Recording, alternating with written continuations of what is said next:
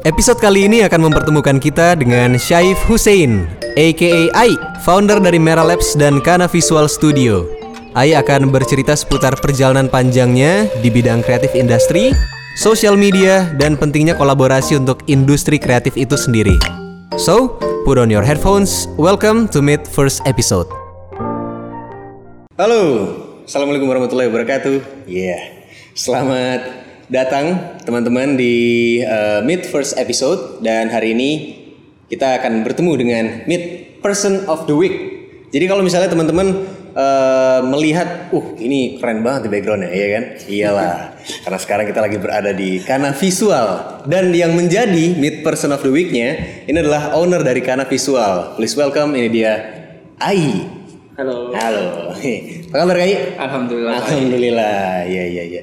Ini minta maaf sekali ini Kai. Jadi banyak sekali menguras waktu hari ini ya.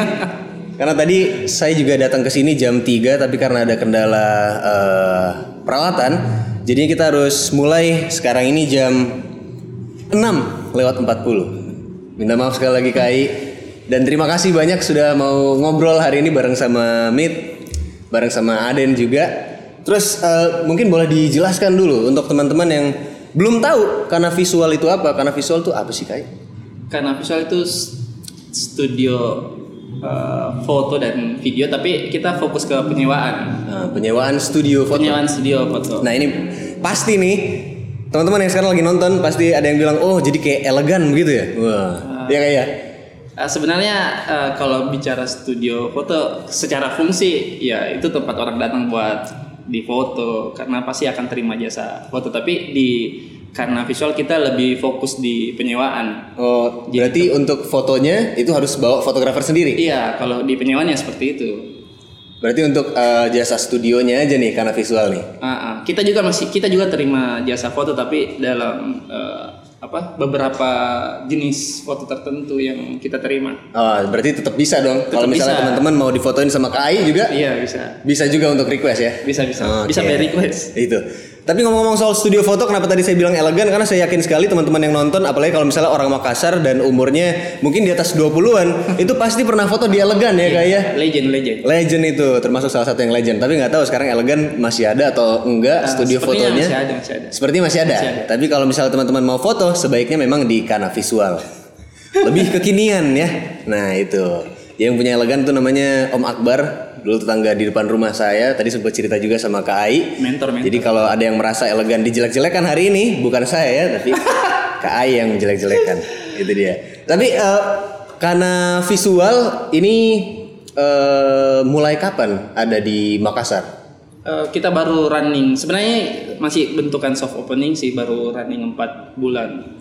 Dan katanya bukanya itu tadi sempat ngobrol juga di bulan eh, Juni. Juli, Juni ya? Ya Juli Juli Juli sorry Juli. Juli. Yang mana Juli itu adalah merupakan eh, masa pandemi COVID-19. Sekarang pun juga masih masa masa pandemi. berani sekali nih eh, Ai ya. Bagaimana Kai? Kenapa kemarin buka buka kana tuh pas bulan Juli?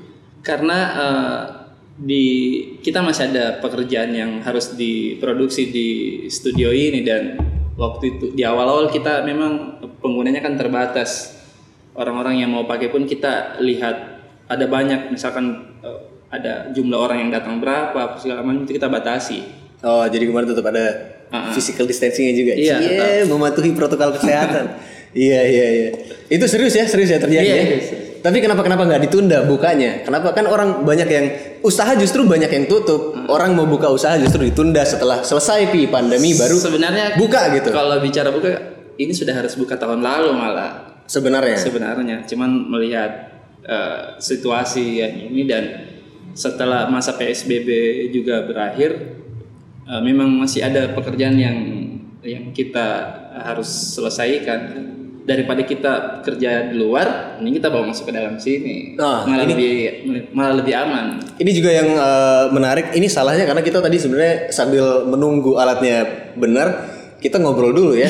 Jadi udah udah udah udah denger juga sebenarnya ceritanya tadi. Tapi Kai coba boleh diceritain juga yang tadi eh, Kai cerita ke saya soal kenapa sebenarnya Kana tuh dibuat. Oh iya. Jadi sebenarnya karena visual ini produk dari uh, proyekan saya dan beberapa teman-teman dari proyekan dari Merah Labs. Uh, Yang mana Merah Labs itu adalah? uh, Merah Labs itu uh, kadang disebut agensi, konsultan sosial media, kreatif lab, terserah si klien biasanya tergantung kita bantu apa mereka. Hmm. Bisa jadi fotografernya mereka juga. Ya. Nah, itu terserah. Jadi uh, kenapa? Karena itu dari dari awal sebelum Merah Lab kita mundur sedikit kalau bicara Merah dulu namanya kan idea.id. Cuman waktu itu uh, kita harus kalau istilah sekarang rebranding sama cuman waktu itu saya mikirnya uh, brand planning.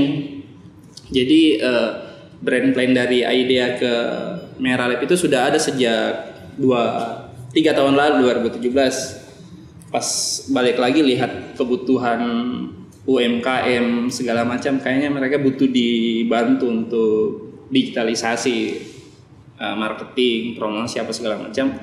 Akhirnya uh, kita ubah ke kita ganti nama ke Merah Lab dengan tim format dengan format tim yang bertambah waktu itu. Nah karena visual ini awalnya dibuat hanya untuk si Merah Lab produksi kan, Ya. tapi waktu itu kita mikir bahwa uh, filosofi kita bangun Merah Lab itu uh, agar kita bisa berdampak untuk orang-orang. Oke. Nah, karena visual pun kita buat kenapa Filosofis akhirnya kita uh, bikin ini fokus ke penyewaan biar teman-teman yang bekerja di bidang yang sama tidak punya studio bisa pakai tempat kita untuk produksi juga yang sama Woi. seperti itu. Berarti ini sebenarnya eh, karena visual itu adalah persembahan KAI untuk eh, komunitas fotografi di Makassar. ya? Iya, bisa seperti itu. Eh, bisa Karena saya juga merasakan keresahan yang sama sebelum uh, punya studio. Saya mau pakai studio teman, mau pinjam, mau sewa juga agak susah. Kalaupun ada, kita susah untuk eksplorasi kan. Punya ide dari luar mau bawa mau bawa ke situ tidak cocok, terhalang di tidak enak, apa segala macam. Akhirnya kenapa bukan saya yang buka dan saya begitu ke teman-teman. Hmm, Oke. Akhirnya terjadi. Akhirnya jadilah Iya, karena jadilah visual. Karena visual. Iya ya. Tapi kalau ngomongin soal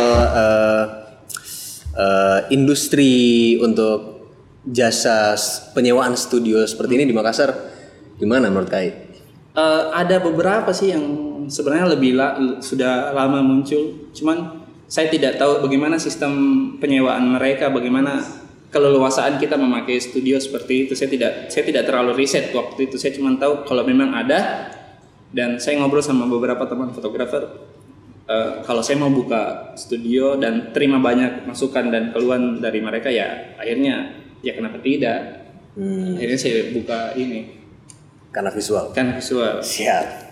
Berarti eh sebenarnya bisa dibilang waktu buka Kana ini em, bisnisnya tuh nomor dua ya. Iya, yang pertama adalah yang pertama. idealismenya dulu untuk Ah, eh, ah gue pengen nih ada tempat yang eh, studio foto tapi bisa direcokin macam-macam gitu sama anak-anak foto gitu ya. Oke. Oke, ini eh, menarik sekali teman-teman karena saya juga eh, baru tahu kalau ternyata Kai ini eh, pendidikan formalnya tuh nggak selesai. Iya. Gara-gara ngambil short course waktu itu untuk fotografi ya. Uh, sebenarnya karena merasa tidak cocok sama gaya pendidikan sih. Oh. Ambil apa kah waktu itu? Uh, uh, komunikasi. Cuman Komunikasi. uh, gaya pendidikan maksudnya saya sudah sudah rasa duduk berapa tahun di bangku bangku sebelumnya. Terus pas pendidikan selanjutnya merasa kayak Ih, saya ulang lagi dong ini duduk melihat apa segala macam. Saya lebih suka yang praktikal Hmm. yang seperti itu. Oh, anaknya outdoor sekali dia. Iya iya iya. Jadi akhirnya dapat teori langsung uh, praktek, dapat teori langsung praktek seperti itu. akhirnya eh, tidak dilanjutkan Tidak kuliahnya dilanjutkan, iya. dan lebih memilih untuk sekolah. Sekolah itu tadi, sekolah-sekolah uh, jurnalistik. Dan memang tapi sekolahnya juga lumayan, ada yang setahun, ada yang dua tahun. Dan itu diambil di ini ya. Tadi katanya kita sempat ngobrol juga di Antara. ya. Iya, di antara kalau jurnalisnya selesainya di antara. Tapi sekarang sudah tidak ada katanya. Sudah, sudah, Sudah tidak ada, iya. Tuh, Sayang sekali sudah. Nah ini untuk teman-teman yang mungkin juga karena sekarang kan lagi zaman eh, eh, lulusan SMA, Heeh. terus lagi lagi lagi banyak yang nyoba-nyoba kuliah juga ya nggak sih? Coba-coba Iya kan? kuliah. Iya, lagi daftar-daftar kuliah ya. Nah ini mungkin ada teman-teman yang mau ngikutin juga jejaknya Kak Ai. Kak Ai boleh diceritain sedikit mungkin pengalamannya waktu ngambil eh, short short course fotografi itu. Eh, jadi sebenarnya eh, waktu itu kan kebutuhan pekerjaan saya kalau dapat pekerjaan yang saya tidak eh, benar-benar kuasai, ak- kalau sempat saya sekolahi dulu atau kursusi dulu, saya kursus dulu, sekolahi dulu, begitu. Jadi biar ada bekal yang lebih untuk kerjakan proyek itu. Eh, cuman waktu itu kan juga sembari kerja kan, Hmm. Ah, dan pada waktu itu kita bicara Instagram jadi waktu itu memang kebetulan eh, lagi Instagram lagi happening di tahun yang bersamaan gejolak fotografinya ini ada wadah yang cocok jadi kalau saya mau saya punya wadah untuk taruh karya di Instagram tapi waktu itu kan sambil kerja nah saya mikir ini kalau mau diikutin juga bisa jadi waktu itu saya mikir bahwa Eh, saya tidak bisa hanya jalan Sabtu Minggu karena kerjanya Senin sampai Jumat. Jadi saya mikir waktu itu kalau pekerjaan saya tidak mau eh, jalan-jalan fotografi saya ini ganggu pekerjaan saya atau sebaliknya pekerjaan saya ganggu fotografi saya. Jadi saya harus memilih. Tapi dengan feeling yang sangat bagus sepertinya fotografi bisa bawa saya ke ke arah yang jauh. lebih baik. Saya berhenti bekerja. Wih. Berarti banyak sekali hal yang dikorbankan Iya. untuk eh, fotografi ya. Lumayan, lumayan, lumayan. Luar biasa. Oke oke. Jadi eh, by the way kan antara sekarang sudah Sudah tidak ada. sudah nggak ada ya. Iya. Jadi kalau misalnya ada teman-teman yang mau sekolah fotografi di Makassar ada nggak sih Kai? Tidak. Kalau formal tidak ada sih. Kalau formal nggak ada. Tapi kalau untuk mungkin course yang informal banyak ya di Makassar ya. workshop workshop singkat tapi kalau yang beberapa bulan itu tidak tidak ada Di Kana juga ada. belum Belum. Tapi akan bikin berarti kalau belum. mungkin ada kita saya kan pernah bikin eh, fotografi kelas tapi dengan waktu tiga bulan dengan beberapa mentor nah rencana itu akan kita bangun, bangun kembali ya kemungkinan bisa bikin di sini Nah ini menariknya sih begitu karena ini karena sayang sekali sepertinya kalau misalnya cuma jadi penyewaan studio saja ya. memang arahnya akan ke mana-mana sih ini nanti juga akan jadi media Ya ditunggu tanggal mainnya teman-teman. Itu dia. Oke, ini eh, ngomongin soal sempat menyinggung soal eh, Instagram juga tadi Kai. Eh, katanya juga Kai adalah seorang yang termasuk di first community-nya Instagram. community first Commu- community Ya, first ya. community first Itu apa itu? Eh, community first mungkin seba cuman sebagian dari peng- dari ratusan pen- juta pengguna Instagram yang tahu. Bahkan Iya, bahkan saya pun tidak tahu. orang main Instagram dari sejak 2011 eh, tapi cuman sekedar main Instagram juga tidak tahu. Jadi di Instagram itu ada beberapa orang yang yang punya kedekatan sama tim community. Instagram Instagram kan punya community eh, yang di mana ada manajernya dia ada community manager nah community manager ini di ada di beberapa benua ada di Asia Eropa Termasuk juga di Indonesia. Uh, iya, ya, waktu itu kita masih di bawahi Jepang. Jadi ada ada community manager namanya Miseri itu dulu uh, community manager dari Jepang. Uh, kita di bawahi dia sebelum akhirnya 2017 ada orang Indonesia yang jadi community manager untuk Indonesia. Nah, community first ini adalah orang-orang yang pertama kali akan dikontak sama Instagram kalau kita mau bikin acara terus atau ada fitur baru atau ada event di mana kita akan dikontak sama Instagram untuk nih kalian yang atur ya kita ada event di sini kalian eh, di di kota-kota itu eh, ada orang yang akan atur Nah, dan itu adalah orang-orang yang tergabung di uh, community first community first itu. Ah, kalau kayak di Indonesia Timur tuh ada saya di beberapa kota lain ada masing-masing ada perwakilan masing-masing Berarti waktu itu di digaji sama Instagram. Eh, tidak digaji cuman ada privilege tapi melalui itulah Meralab juga terbentuk gara-gara Instagram sih sebenarnya Privilege-privilege apa yang didapat uh, sebagai community first Instagram? kita jadi ada apa ya waktu itu kan semangat community first itu ke mana-mana kita memotret ngeposting memotret nge- membangun. Kalau visi misi Instagram itu kan uh, uh, strength relationship through sharing experience. Jadi di Instagram itu kita bisa bertemu sama orang-orang yang berbeda latar belakang tapi uh, sama-sama ada di Instagram. Misalkan saya suka memotret waktu itu pekerjaan saya lebih banyak memotret landscape gunung jadi saya harus jalan ke sana kemari. Nah ada juga orang-orang yang memotret eh, model apa dan lain tapi kita ketemunya di di Instagram itu Hmm. jadi kalau kita ke mana-mana ya kita janjian ketemu sama teman-teman di Instagram kan nah akhirnya dari situ eh, secara tidak langsung waktu itu kalau kita bicara Instagram di zaman itu eh, sangat mudah untuk bekerja sama dengan uh, brand ketika uh, uh, brand suka dengan gaya kita Gaya di foto kita. Instagram iya karena waktu itu saya sukanya naik gunung apalah segala macam jadi berkolaborasi lah sama beberapa brand waktu itu nah makin ke sini makin ke sini tidak bisa nih kalau saya bawa nama pribadi saya terus untuk eh, apa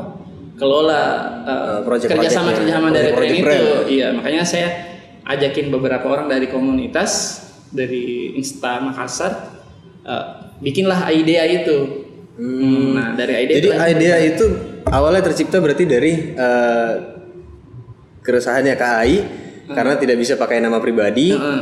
untuk mengelola eh, project-projectan brand. Akhirnya bikinlah bikin idea idea.id. Idea.id itu isinya teman-teman yang juga tergabung iya. di community versi Instagram. Nah, orang-orang yang kita pilih atau yang saya dan teman-teman pilih yang memang paham culture Instagram saat itu beda berbeda dengan culture Instagram yang sekarang kan Hmm. yang tiba-tiba muncul selebgram apa segala macam ya Oh, ini berarti eh, kalau orang tergabung di community first Heeh. itu apakah sudah pasti dia terkenal di Instagram? Ah, tidak Tidak pasti. Tidak, tidak Jadi orang-orang seperti apa yang tergabung di community first? orang-orang yang eh, peduli bagaimana itu Instagram berkembang eh, begini apa Instagram itu maunya kita pakai platform ini untuk kalau tidak berbagi sesuatu yang positif berbagilah karya biar followernya juga bisa lakukan hal yang sama Hmm. Yang seperti itu kalau dari dulu kalau kita bicara soal eh, Oh, dan berarti- dulu Berarti community first itu waktu eh, dulu eh, eh, adalah isinya influencer sejati ya. Hai, dulu juga tidak ada istilah itu. Kalau Oh. di Instagram kita cuma dua istilah sih, Instagramer sama igers. Betul. Nah, kita tidak pernah mau self self apa self proclaim Self-proclaiming sebagai seorang selebgram. selebgram, influencer, buzzer. Itu kan istilah-istilah yang muncul di tiga tahun terakhir. Ah iya iya yang iya. tiba-tiba eh, ada istilah selebgram, buzzer, influencer. Iya Nah, iya iya. di zaman dulu kita kalau saya berkolaborasi sama brand dan teman-teman ya cuman sebatas kerjasama kalaupun ada yang sampai per tahun itu jadi kayak kontrak ambasador. Hmm. tapi tidak mungkin kan jalan-jalan terus diteriaki terus oh ambasador ambasador. Tidak mungkin kan. Sekarang community versi Instagram masih masih aktif atau? Orang-orangnya masih ada. Orang-orang masih ada tapi untuk Instagramnya sudah tidak seaktif Eh, dulu ya mengelola akan ada akan ada kegiatan dua hari lagi kan Instagram ulang tahun. Mungkin Wih. akan ada sesuatu yang baru di situ. Hmm, iya iya iya iya. Ini eh, kalau gitu balik lagi ke idea.id Iya. yang akhirnya jadi Merah Labs. Ke mana orang-orang idea.id? Uh, masih ada, masih ada di bagian bahkan uh, tapi uh, mereka lebih banyak terima pekerjaan-pekerjaan. Sebenarnya kenapa kita ubah ke Merah Lab itu bagian dari brand plan kan. Jadi uh, idea waktu itu kita lebih banyak akhirnya setelah kerja-kerja digital itu uh, selesai dan kultur Instagram berubah dengan cepat muncul orang-orang yang suka foto-foto seksi lah segala macam Dan ternyata itu lebih menarik ya dan itu lebih menarik eh, untuk ini. saya pribadi. dan waktu itu memang didukung sama algoritma Instagram yang berubah Hmm, iya iya. jadi saya berteman sama si A si A suka like foto cewek itu akan masuk ke explore saya Hmm, iya iya. jadi itu berpengaruh sama algoritma Inilah orang-orang seperti ini mengerti algoritma Instagram. Nah, saya sebenarnya tidak pernah mengerti yang namanya algoritma Instagram itu bekerja seperti apa, Kai.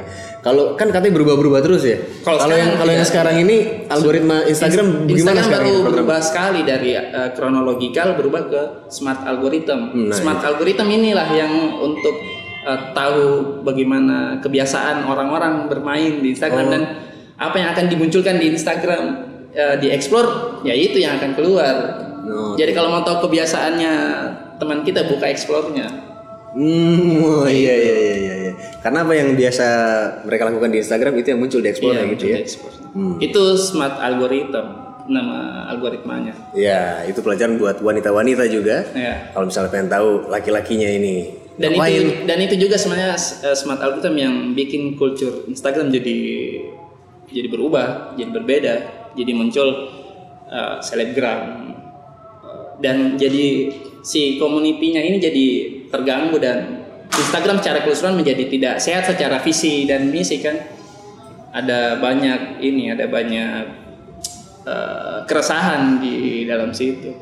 Hmm, jadi ini kayaknya jadi bahan bicaraan juga di anak-anak Instagram. Ya, itu kegelisahan kita kayak tiba-tiba muncul orang yang beli follower dan beli like dan mereka membenarkan itu karena terima pekerjaan dari situ. Dan Makassar masuk kota salah satu kota paling besar aktivitas Instagram palsu Wah.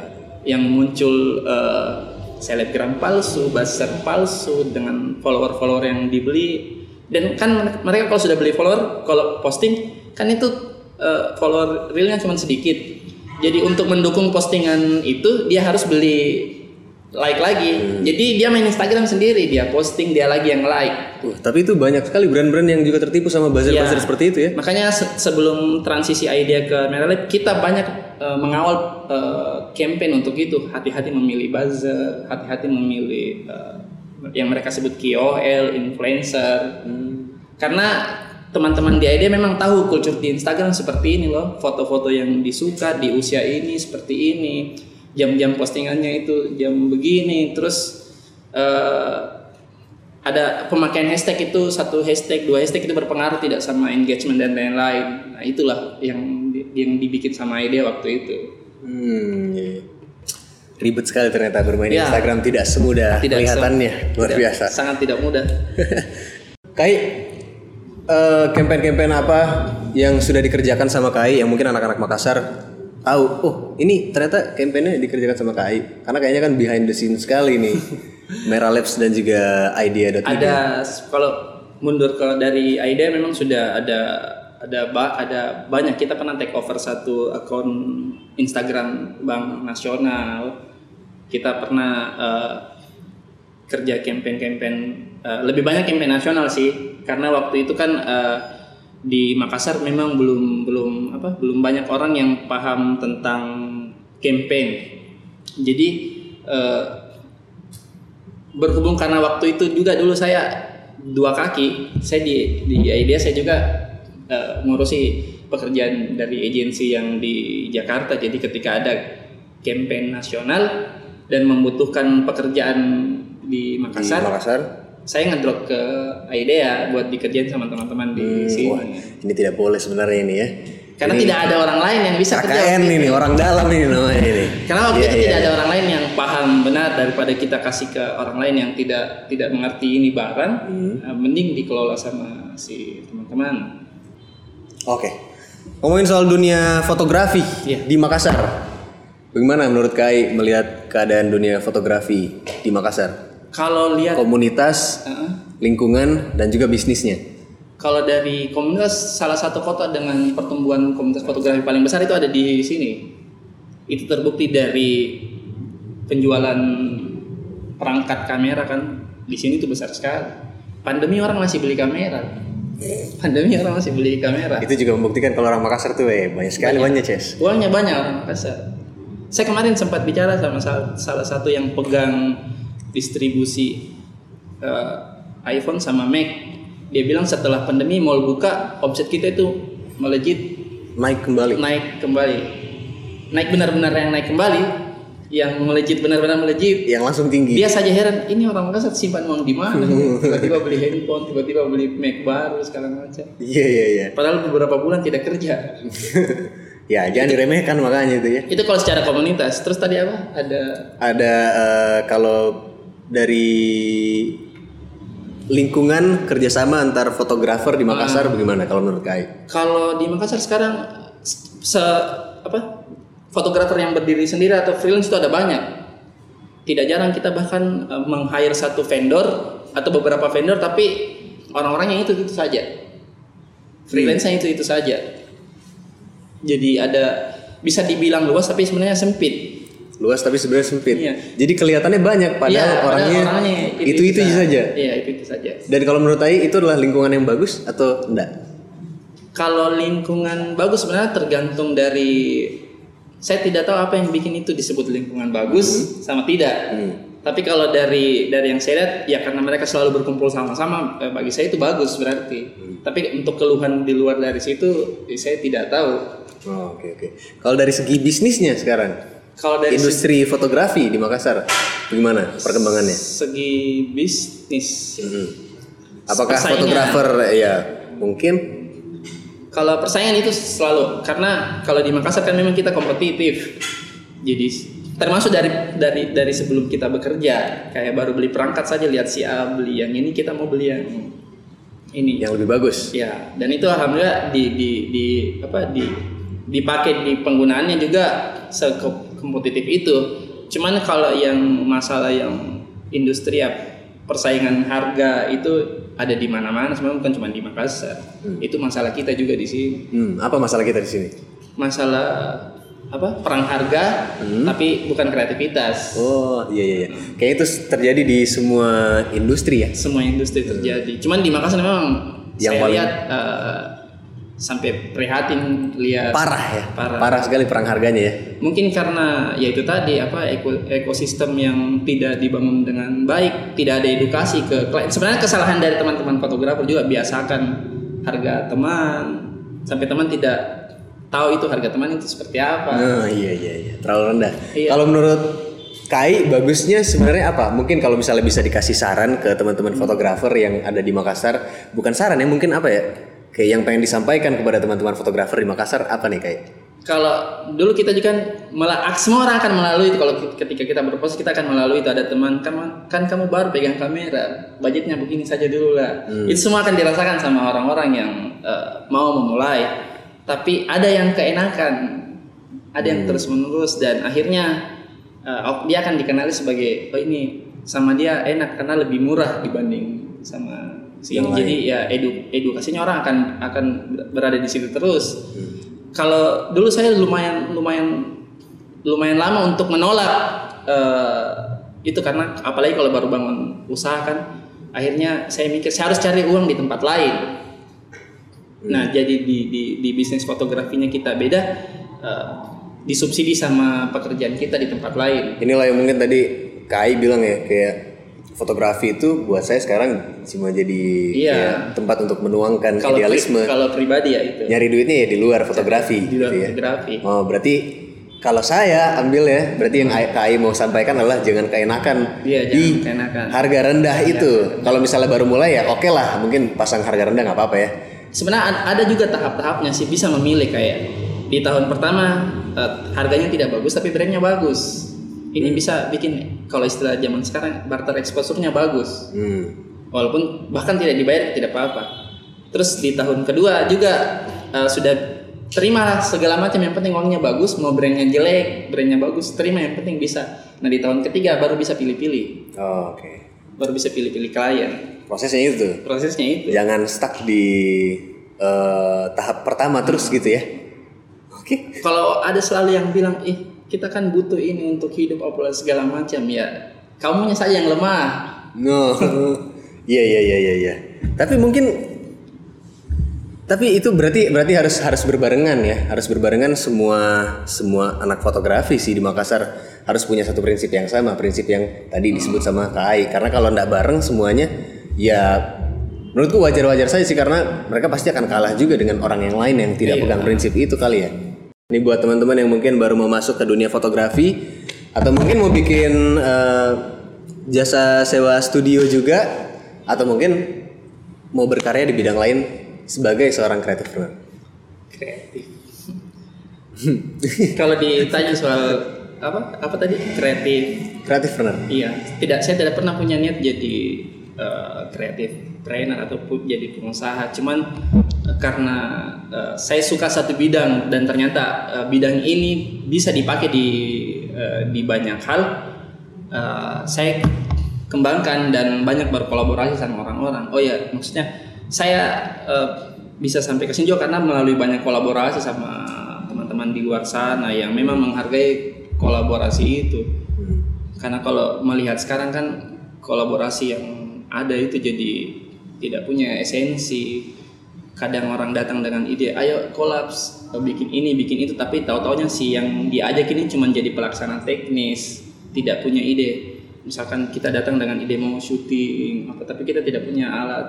Karena melihat ada satu rumah produksi yang tidak ada pekerjaannya dan kita merasa punya nama besar kita ajak mereka. Tapi ketika mereka ikut di situ mereka jadi memang benar-benar pelaksana teknis tidak bisa mengeluarkan ide biasanya kita produksi begini loh begini begini segala macam karena kalau yang saya lihat yang terjadi di Makassar ya ada ada banyak kolaborasi kolaborasi yang akhirnya jadi double label cuman dua nama yang jalan sama satu, satu apa dua nama yang jalan tapi ya idenya cuma dari satu Eh, yang satu orang. eh, idenya cuma dari satu orang, Iya. yang satunya hanya jadi pelaksana teknis. Iya. Jadi kayak cuman eh, atau cuman karena yang satu banyak followernya yang satu bekerja untuk yang satu, Iya, jadi- bukan berkolaborasi jadinya. yang paling banyak sih tuh kayak di konten YouTube kayak eh, ada orang yang komen kak kolaborasi dong sama ini kak kolaborasi dong sama ini. Padahal kan bukan kolaborasi itu namanya.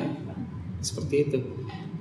Kalau di makanya kayak di karena visual itu kita membuka banyak kolaborasi kayak bikin kolaborasi sama si A. Kita lihat apa dampak dari kolaborasi ini. Ada juga di bidang komersil misalkan dia datang dengan saya eh, apa kerja eh, dokumentasi tapi untuk indoor kita tidak mengerti eh, banyak. Kita akan diskusi soal itu. Jadi kebanyakan pekerjaan-pekerjaan yang dari kolaborasi itu hasil pemikiran dari banyak orang. Kita duduk di satu meja dari dari ah, dari latar belakang yang berbeda eh, membahas satu hal yang eh, menuju ke arah yang sama. Biasanya bentuk-bentukan itu yang kita bikin di sini. Hmm. Oke, berarti hal yang penting kalau misalnya mau jadi creative owner itu Iya. kolaborasi. Yang Rajinlah berkolaborasi iya dengan benar tapi ya dengan benar seperti yang tadi dibilang ya. Berkolaborasi Jangan eh, jangan ini ya ide hanya dari satu orang saja, tapi dari dua pihak yang berkolaborasi harus Iya. biasanya punya.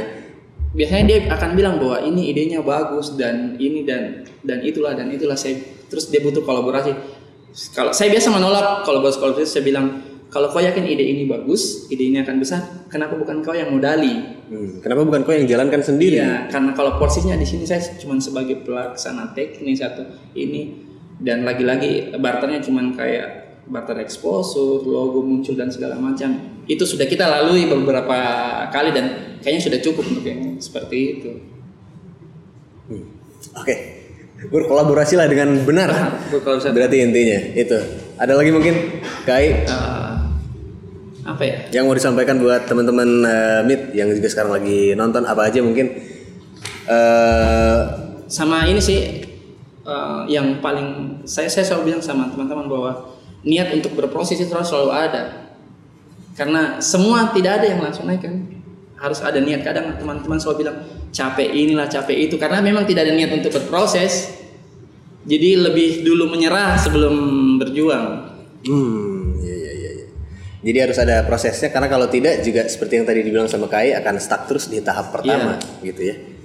Jadi berproses dan berkolaborasi. Niat berproses.